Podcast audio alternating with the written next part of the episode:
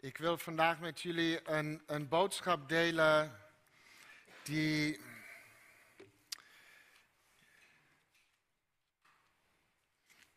Ja, ik moet nu al, maar dan is het ook eruit. Die, die ik twee jaar geleden al eerder met jullie heb gedeeld. En het is niet omdat ik lui ben, maar het is een boodschap die dicht bij mijn hart is. En als ik de mogelijkheid had, dan zou ik hem elk jaar één keer hier willen doen. Maar goed, dan voelt de een en de ander zich misschien niet voldoende vermaakt met nieuwe dingetjes. En dan, ja, dan ook een Maar het is een boodschap die heel belangrijk voor mij is. En daar is een bepaalde reden voor. En zien jullie mij überhaupt? um, waarom ik dit met jullie wil delen, daar is een speciale reden voor. En dat vertel ik ons gewoon helemaal aan het eind. Um, maar het is een boodschap die, die, die, ons hopelijk mag helpen op een dag zoals deze, waar we um, ons verlies van een dierbare of verlies uh, op welke manier dan ook verder een, een plek willen geven. En, en, want dat is wat we doen, we herdenken. We geven dus, wat ik net zei, een plek aan wat we kwijt zijn geraakt. En dat is natuurlijk uh, per definitie gewoon onmogelijk. Um, en, en, laat me beginnen met een kapstokvers die, die je hopelijk uh, weer voor twee jaar of zo niet meer zo snel zal vergeten. en, en in Filippenzen 4, vers 13, daar lezen we het volgende. Alle dingen kan ik aan door Christus, die mij kracht geeft. Er is een bewering in de Bijbel uh, over God en ook in de christelijke wereld die, die mij altijd weer bezighoudt. En sowieso ook in deze tijd weer uh, hilarisch veel naar voren komt. Uh, en, en het is dit statement dat zegt met God of bij God is alles mogelijk. Dus, dus niets is onmogelijk. En die, die uitspraak getuigt van een, een, een, een heel optimistisch godsbeeld. Uh, en, en, er zijn genoeg teksten en, en, verhalen in de Bijbel die dit beeld onderbouwen, maar ergens zijn we ook een beetje sceptisch hè, tegenover optimisme. Toch? Juist in deze tijd. Uh, hier ging iets gloeien. Ja. ja, we zijn een beetje sceptisch tegenover optimisme. Wij uh, maar dan, we zeggen vaak dingen zoals, dan moeten we eerst nog zien, even kijken hoe het zich ontwikkelt. Uh, ik, of ik, ik sta vooral neutraal in, is ook altijd zo'n mooie uitspraak. Die ik met name nu hoor in deze tijd ook, van als de kerk bijvoorbeeld heel optimistisch kiest voor een vaccin. dat je zegt, nee, de kerk moet, optimistisch, moet neutraal erin staan en mag politiek, altijd moet je neutraal zijn als kerk. Terwijl ik altijd denk, ik kom uit een land waar de kerk het echt behoorlijk kreeg verweten toen ze 70, 80 jaar geleden behoorlijk neutraal erin stond. Uh, ja, dus dat ga ik niet meer doen. Niet nog een keer. Dus voor mij, voor mij zal je altijd politiek de wind van links krijgen. Oké. Um, goed. anyway. Maar goed, in deze tijd is optimisme helaas sowieso een beetje gewoon een synoniem geworden voor naïviteit ook. Dat is dan ook uh, zo eentje. Maar met God is alles mogelijk. En laten we samen dus zo'n optimistische tekst lezen. Matthäus 19, jullie kennen dat verhaal uh, vanaf vers 16. Nu kwam er iemand naar Jezus toe met de vraag: Meester, wat voor goeds moet ik doen om het eeuwige leven te verwerven? En hij antwoordde, waarom vraag je me naar het goede? Er is maar één die goed is. En als je het leven wilt binnengaan, hou je dan aan zijn geboden. Welke vroeg hij? Deze antwoordde Jezus, pleeg geen moord, pleeg geen overspel, stel, steel niet, leg geen vals getuigenis af, toon eerbied voor uw vader en moeder en ook heb uw naaste lief als uzelf. En de jonge man zei, daar hou ik me aan, wat kan ik nog meer doen? En Jezus antwoordde hem, als je vermaakt wil zijn, ga dan naar huis, verkoop alles wat je bezit en geef de opbrengst aan de armen. Dan zul je een schat in de hemel bezitten. En kom daarna terug en volg mij. En na dit antwoord ging de jonge man te neergeslagen weg. Hij had namelijk veel bezittingen. En Jezus wendde zich tot zijn leerlingen. Ik verzeker jullie, slechts met grote moeite zal een rijke het koninkrijk van de hemel binnengaan. Ik zeg het jullie nog eens. Het is gemakkelijker voor een kameel om door het oog van de naald te gaan dan voor een rijke om het koninkrijk van God binnen te gaan. En toen de leerlingen dit hoorden, waren ze hevig ontzet en vroegen: wie kan er dan nog gered worden? En Jezus keek hen aan en antwoordde hun: bij mensen is dat onmogelijk, maar bij God is alles mogelijk. Bij God is alles mogelijk. Amen.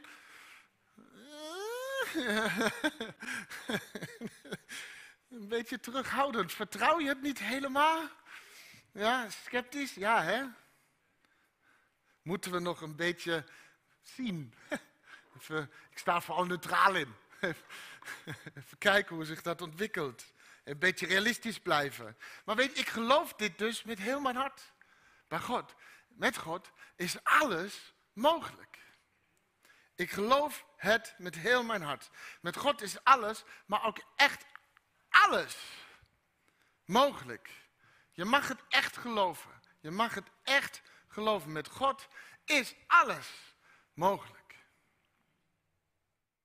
Het is ergens ook, eh, trouwens, een heel confronterende uitspraak.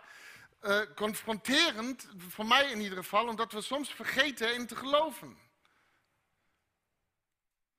We kiezen vaak realisme boven hoop.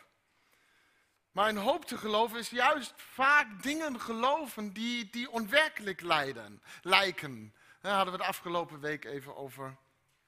Dus met God is alles mogelijk, niets is onmogelijk, niets zal onmogelijk zijn voor jou, voor ons. Het ligt allemaal in zijn God. En macht met God is alles mogelijk. En ik weet niet waar je, waar je hoop dus naar verlangt, maar weet dat het met God mogelijk is. En misschien ga je gebukt onder lichamelijke of psychische klachten en verlang je zo naar genezing. Met, God is mogelijk. Met God ondervind je grote nood in je leven. Misschien ondervind je, sorry, grote nood in je leven uh, op financieel gebied. En er zijn genoeg verhalen waar God zegent op wonderbaarlijke manier. we mogen het echt geloven. Met God is het mogelijk. Misschien is jouw zorg een zorg voor je gezin, misschien voor je kinderen of je ouders. Misschien omdat onderlinge relaties stroef lopen. Boven alles hebben we daarom een God die, die een relationele God is. En het met hem mogelijk is om daarin weer wonderen van verbinding mee te mogen maken. Misschien is het een relatie die stuk is gelopen en verlang je zo naar een partner. Of een recente scheiding met alle ellende die erbij komt. Misschien ben je je baan kwijtgeraakt. Of, of welke manier van verlies of gemis het ook is. Genezing, herstel, bevrijding, hereniging en verbinding. Bij God is alles mogelijk. Dit mogen we echt geloven. Met God is het mogelijk dat we heel snel een vaccin hebben ontwikkeld. En dan, ik, ik, eh, leuk gelezen op Twitter laatst. En dan zijn er sommige christenen die vinden en geloven dat dit veel te snel is gegaan, de ontwikkeling van het vaccin. Maar tegelijkertijd geloven ze dat de aarde in zeven dagen is geschapen en dat is dan wel heel zorgvuldig. Maar goed, met God is alles mogelijk.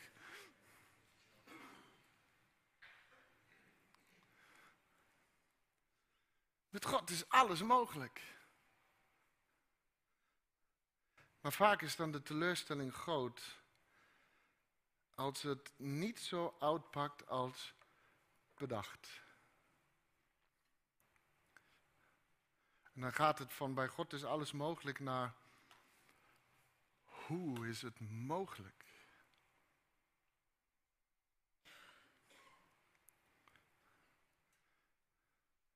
Hoe is het mogelijk dat ik niet beter word?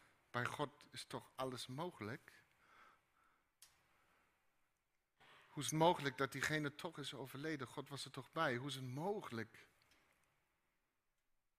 Hoe is het mogelijk dat ik deze zorgen en noden heb? God was er toch bij? Niets is toch onmogelijk voor hem? Hoe is het mogelijk dat ik dit gemis moet ervaren, dit verlies moet lijden? God was er toch bij? Met hem is toch alles mogelijk? Niets is onmogelijk voor hem, toch?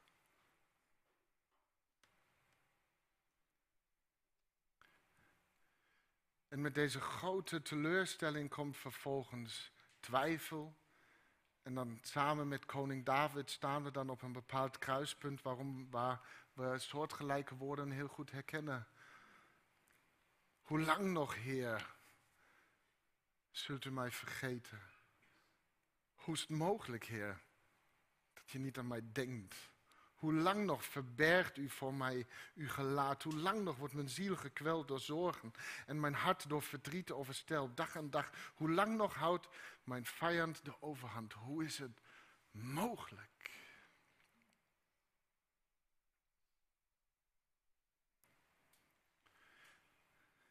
En ik weet bijna zeker dat we allemaal op een punt waren of zullen komen in ons leven, in ons leven met God, dat we de handdoek in de ring willen gooien en willen opgeven. Want alles, nou alles is blijkbaar niet mogelijk met God.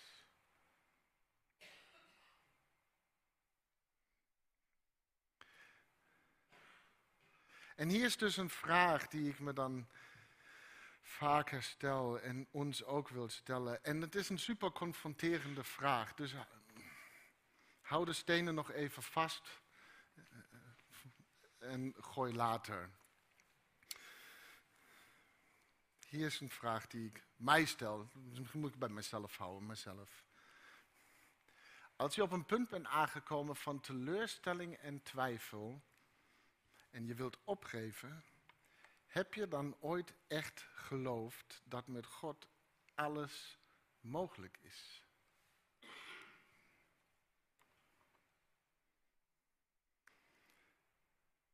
Super confronterende vraag. Hou hem even vast, de steen. We gaan even toelichten.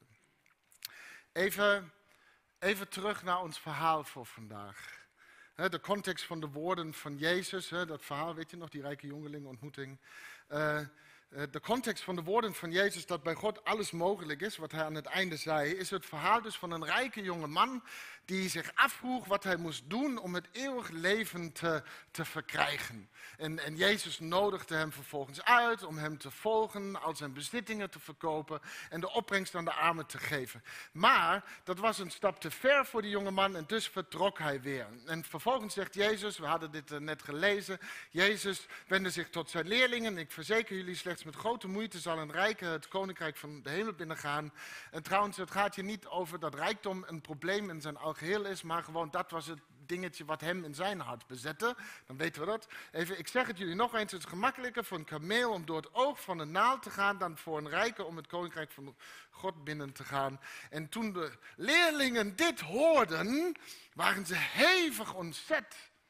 En vroegen, wie kan er dan nog gered worden? En Jezus keek hen aan en antwoordde hun, bij mensen is dat onmogelijk, maar bij God is alles mogelijk. Dus wat we hier zien is dat de, discipelen waren verbaasd, hevig ontzet. En ze waren, en ze waren niet enorm verbaasd over het feit dat die jonge man al zijn uh, bezittingen niet wilde verkopen, maar ze waren enorm verbaasd op, over wat ze daar hoorden. Over wat Jezus daar zei. Het verbaasde hen wat Jezus tegen die rijke jonge man zei. En vervolgens vroegen zich dan af, hè, dat is het verhaal, wie kan er dan nog gered worden? Hè, dus ik hoop dat we die vraag snappen, want wat ze zich hier afvragen is een verbazing. Wie er dan nog gered zou kunnen worden, als niet eens deze rijke jonge man. Want uiteindelijk hadden de de discipelen geen geld en rijkdom, maar ze dachten precies zoals die jonge man. Ze dachten dat als überhaupt iemand gered zou kunnen worden, dan zijn het de rijken. want het was gebruikelijk in die tijd om, uh, om te denken dat als je veel hebt, ben je gezegend. Dus wie anders dan hem zou gered moeten worden? Dat is toch juist hij? Hij heeft toch zoveel, hij is zo gezegend. En ik weet, we denken dit is ouderwets, maar ergens doen we het nog steeds. Dit soort gedachtegangen. Af en toe. Hè? Ergens zien we iemand bij wie het goed gaat, die, die problemen overkomt, die zijn uitdagingen aan kan, die veel bereikt, die, die heel goed is in iets. We zien diegene vaak als ietsje meer gezegend dan de rest.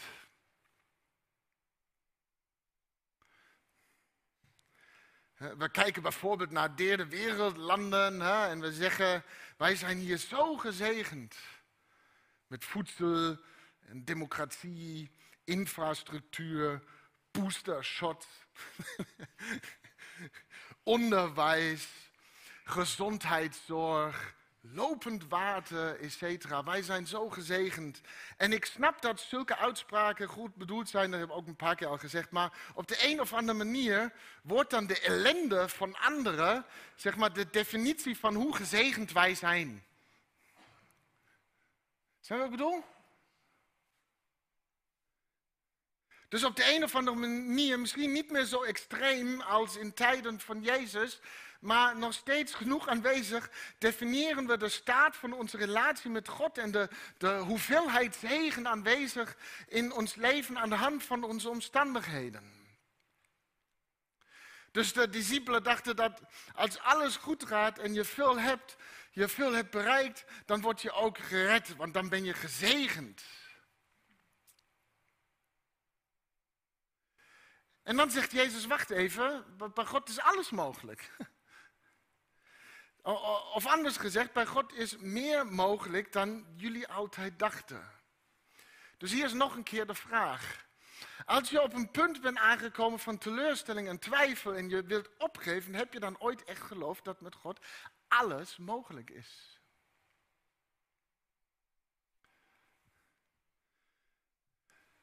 Want ik, ik, ik durf te beweren en je mag voor jezelf je, zeg maar, je eigen afweer gebruiken en zeggen: nee, dat geldt niet voor mij.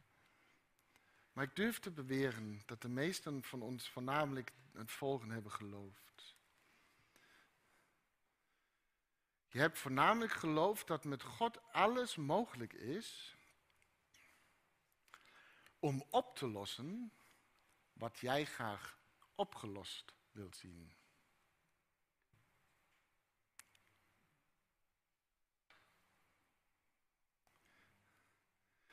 En misschien iets waarvan wij hopen dat het goed zal worden, zal verbeteren. Dus we geloven eigenlijk vaak alleen maar dat alles mogelijk is met God in verband met goede uitkomsten.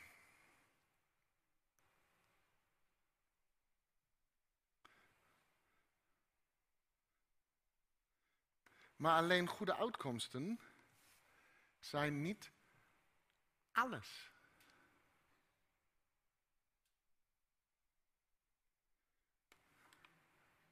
Ken, je dat? Kom je vaak pijnlijk tot ontdekking en dan is de teleurstelling immens.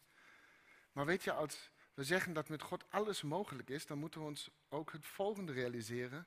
Als we het dus heel erg eerlijk bekijken.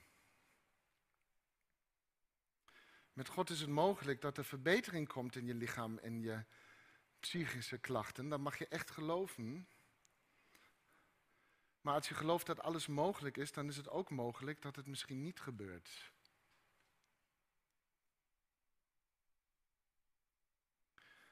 Met God is het mogelijk dat we noden overwinnen in onze situatie, maar het is ook mogelijk dat we er misschien langer mee moeten blijven dealen. Met God is het mogelijk dat er een wonder plaatsvindt, maar het is ook mogelijk dat het niet gebeurt. Het is mogelijk met God dat we op bijzondere manier herstel vinden in onze relaties.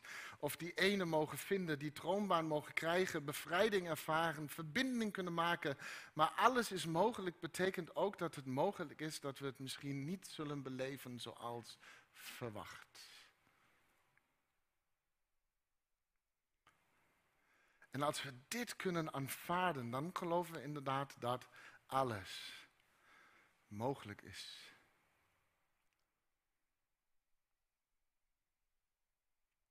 Genezing is mogelijk, ziekte is mogelijk, vreugde is mogelijk, verdriet is mogelijk, rijkdom is mogelijk, armoede is mogelijk, dood is mogelijk, leven is mogelijk, winst is mogelijk, verlies is mogelijk. Alles is mogelijk.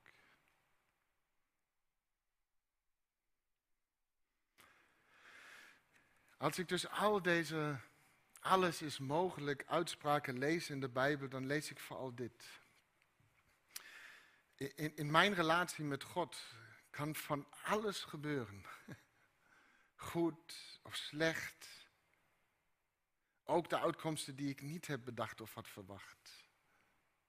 En uiteindelijk is dat een volwassen manier om tegen het leven aan te kijken.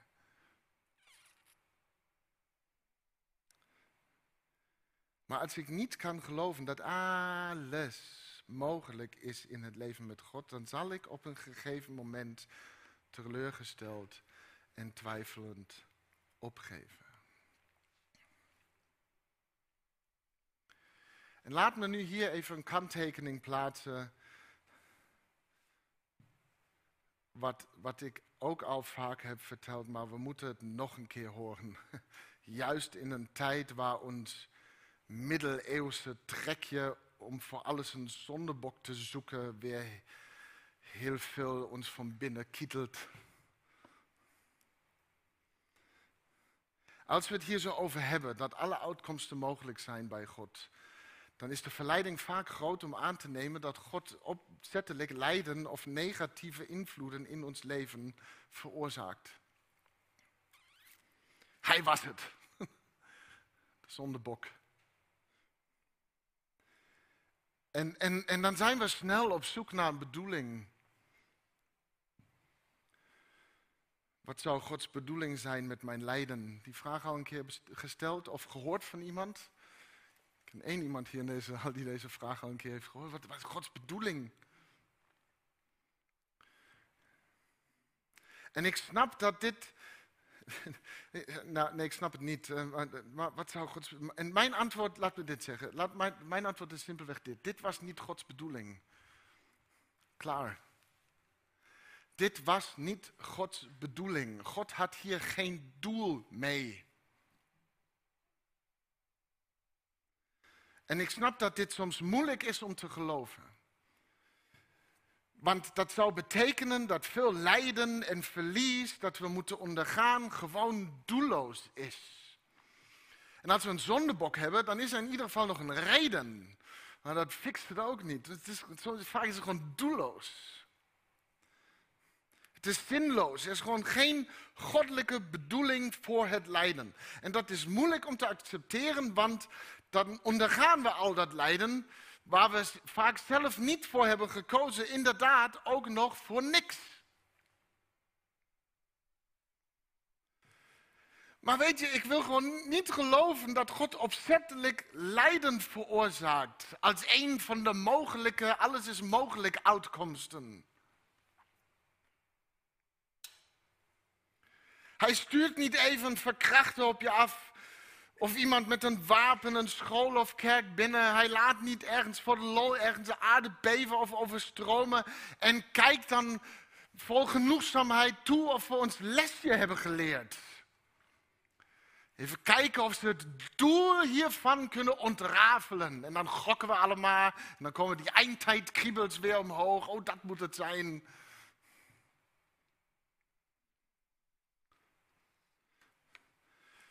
Maar dat zou hem vooral een meedogenloze en liefdevolle, godloze, liefdeloze God maken. Luister goed, terugspoelen, meedogenloze en liefdeloze God. Er is dus wat mij betreft geen goddelijke bedoeling voor het lijden. Luister goed, er is wel, wat mij betreft, een goddelijke weg door het lijden heen.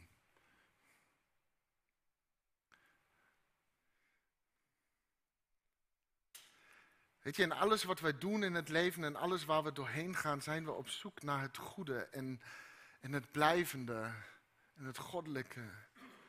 En dat is trouwens ook precies waar Jezus op reageert in het gesprek met, met die rijke jonge man. Bijzondere interactie. Hij vroeg dus, meester, wat voor goeds moet ik doen om het eeuwige leven te verwerven? Waarom vraag je me naar het goede? Zegt Jezus en dan zegt hij, er is maar één die goed is. Wat een fascinerende interactie. Hier is de geloofsgroei van elke gelovige even in drie zinnen neergezet.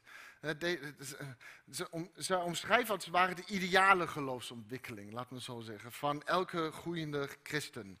Eh, het begint vaak dus met, met wat moet ik doen? Wat moet ik doen? Uh, jonge gelovigen, en dan bedoel ik niet jonge gelovigen en alleen leeftijd jong gelovigen. Je hebt ook heel oude mensen die, die, die heel jong zijn gebleven in hun uh, geloof, om het maar zo te zeggen. Jonge gelovigen vragen zich vaak vooral af, wat moet ik doen, wat mag ik en wat niet. Uh, dat is altijd de vraag van een jong geloof. Wat mag en wat niet en wat moet ik en wat moet ik niet. We moeten vooral iets. Dat is vaak een jong geloof. Je moet iets, je moet maar. En vervolgens zijn we een beetje klaar met de regels. Dat ken je ook. We zijn klaar met, met al dat moeten. We moeten niks meer. En dan vervangen we het ook heel logisch met we moeten niet meer, maar we moeten vooral lief hebben. Super logisch. Heb je goed geluisterd? Ik moet helemaal niks van jou. Je moet vooral lief hebben. Hè? De Calvinistische liefde noem ik het graag. Ben je volgens mij niet echt veel gegroeid in je geloof? Je moet nog steeds iets. En ik hoop dat we ook ergens in ons geloof trouwens op een punt aankomen waar we het niet moeten, maar waar we het ook willen. maar dan komt de volgende fase. Dus waarom vraag je me naar het goede? En dan zie je een beetje zo'n groei ontstaan als we zo'n beetje de ik moet niks fase uit zijn gegaan. Um, uh, uiteindelijk wordt liefde een beetje zo'n algemene term voor alles. Uh, alles is liefde. Hm, laat, laat de liefde maar heersen. Maar wat is dat dan? Het maakt niet uit, het is liefde. En dan, dan wordt het zo'n enorm zweverige term. Uh, want als liefde niet afkomstig is van, van een persoon, dan, dan blijft het maar een zweverig en een beetje onbeduidend concept. Een concept zonder kracht. En dan, dan komen we dus bij fase 3. Er is maar één die goed is. En ik hoop dat je dus de geloofsontwikkeling ziet hier. Het gaat dus van gedoe naar alles is liefde, naar geliefd zijn door. Want het ging en gaat altijd om een persoon. We hebben het hier altijd over de liefde van Christus en de liefde van God. We hebben het niet over liefde als iets. Het is afkomstig van een persoon. Er is maar één die goed is en dat is Jezus. Het gaat dus niet om selectieve goede uitkomsten, maar Jezus zegt, er is maar één goed iets in je leven dat echt van waarde is en je relatie met God vormgeeft. Er is maar één goed iets in je leven dat echt laat zien hoe gezegend je bent. En nee, het zijn niet je bezittingen, alles voor elkaar krijgen, goede uitkomsten voor de dingen die je graag opgelost wilde zien. Want goede uitkomsten zijn trouwens ook tijdelijk, vreugdes zijn tijdelijk, zelfs genezing is tijdelijk. Al die mensen die zo wonderbaarlijk in de Bijbel zijn genezen en die verhalen die we zo verheerlijken, waar zijn ze nu? Ja, poef, ook overleden. Het is allemaal tijdelijk, alles is tijdelijk en de kerk is tijdelijk. Deze kerk is tijdelijk, alles is tijdelijk en in de kern wel goed. Maar niet volmaakt goed. Zo'n woord wat Jezus in dit verhaal gebruikt. Ook al leef ik in dit leven in relatie met God, alles blijft mogelijk in dit leven. De voorspoed en de tegenspoed. En misschien denk je nu, wacht even, als ik dus alle mogelijkheden openhoud in mijn relatie met God, dan is dat toch ook maar een vorm van geestelijk realisme realistisch blijven. Alles is mogelijk. En dat klopt, maar, maar hier is het punt. Het, hoop en, en, en, dingen, dat is allemaal ook, ergens zijn ook weer allemaal uitkomsten. Het gaat om dat er maar één is die goed is. En hij is goed voor, niet tijdelijk. Voor altijd. Al, al die andere goede dingen, tijdelijk, maar hij is goed voor altijd. Er maar één die goed is. En meer heb je niet nodig. En, en als we dat begrijpen, eh, echt als we dat begrijpen, dan is echt, dan geloof ik echt, dan is alles mogelijk. En luister goed. Want met Jezus kun je misschien geen problemen vermijden, maar wel doorstaan. Opeens is het mogelijk. Met Jezus kun je je ziekte misschien niet overwinnen, maar eeuwig overleven. Het is mogelijk. Met Jezus zal je misschien niet een nieuwe partner vinden en de eenzaamheid overwinnen, maar je bent nooit alleen.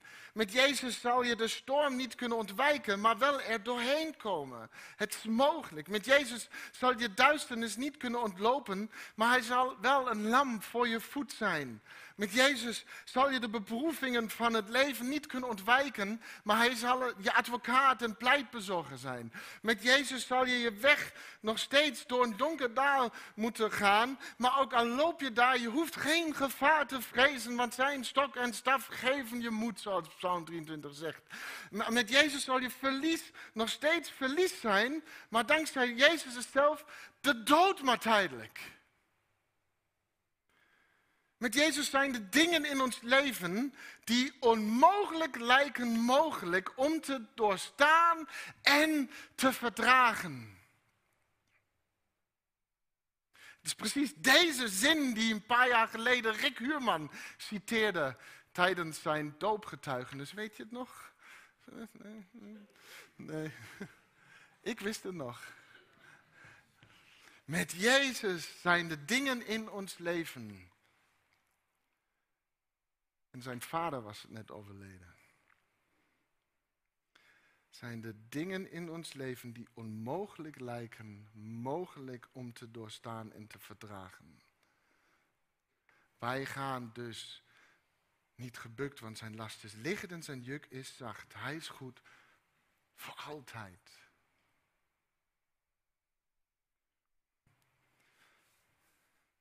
Dus wat mij ook overkomt, het is voor mij allemaal mogelijk door Hem. Want alles is in Hem, door Hem en voor Hem geschapen. Met, met, met Jezus is werkelijk alles mogelijk.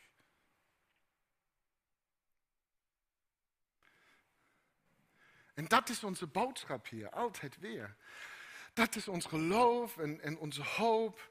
Alles is liefde, supermooi, maar liefde is niet alleen een, een van de emancipatiehulpmiddelen of anti-slechte dingen in discriminatie, credo. We hebben, hier het, we hebben het hier over dus de liefde van Jezus. En, en als Nazareners volgen wij een persoon, geen concept of, of ideaal. Het is een persoon die met me meegaat en in mij meeleeft. En alles wat, wat moeilijk en ja, wat, alles wat mogelijk zou kunnen zijn in dit leven. Een concept is niet voor mij gestorven. Een zwevige gedachte is niet voor mij uit de dood opgestaan. Een mooi idee heeft mij niet bevrijd van de dood. Het is een persoon die mij voorgaat in een leven met alle mogelijkheden. En hier is waarom ik dit verhaal vandaag nog een keer met jullie wilde delen. En jij nu weet dat dit het einde van de preek is. Deze preek kwam voort uit een, een groot verlies dat Lara en ik moesten ondergaan in 2019. Toen we ja, al jaren bezig met zwanger worden en alles. En, en dan eindelijk een keer lukte het en dan het miskraam hadden. En ik heb dus enorm veel heling en genezing gevonden in het, in het voorbereiden van, van deze preek destijds. En ik vond troost en ik vond God weer in, in dus deze woorden van Paulus. Daarom deel ik het nog een keer met ons vandaag, want ik hoop dat jullie dat ook mogen vinden. Paulus schrijft dus in Filippenzen. En ik weet wat het is vernederd te worden. Ik weet ook wat het is overvloed te hebben. In elk opzicht en in alles ben ik ingewijd. In alles. Zowel in verzadigd te zijn als in honger te lijden. Zowel in overvloed te hebben als in verlies te lijden. Maar dan alles.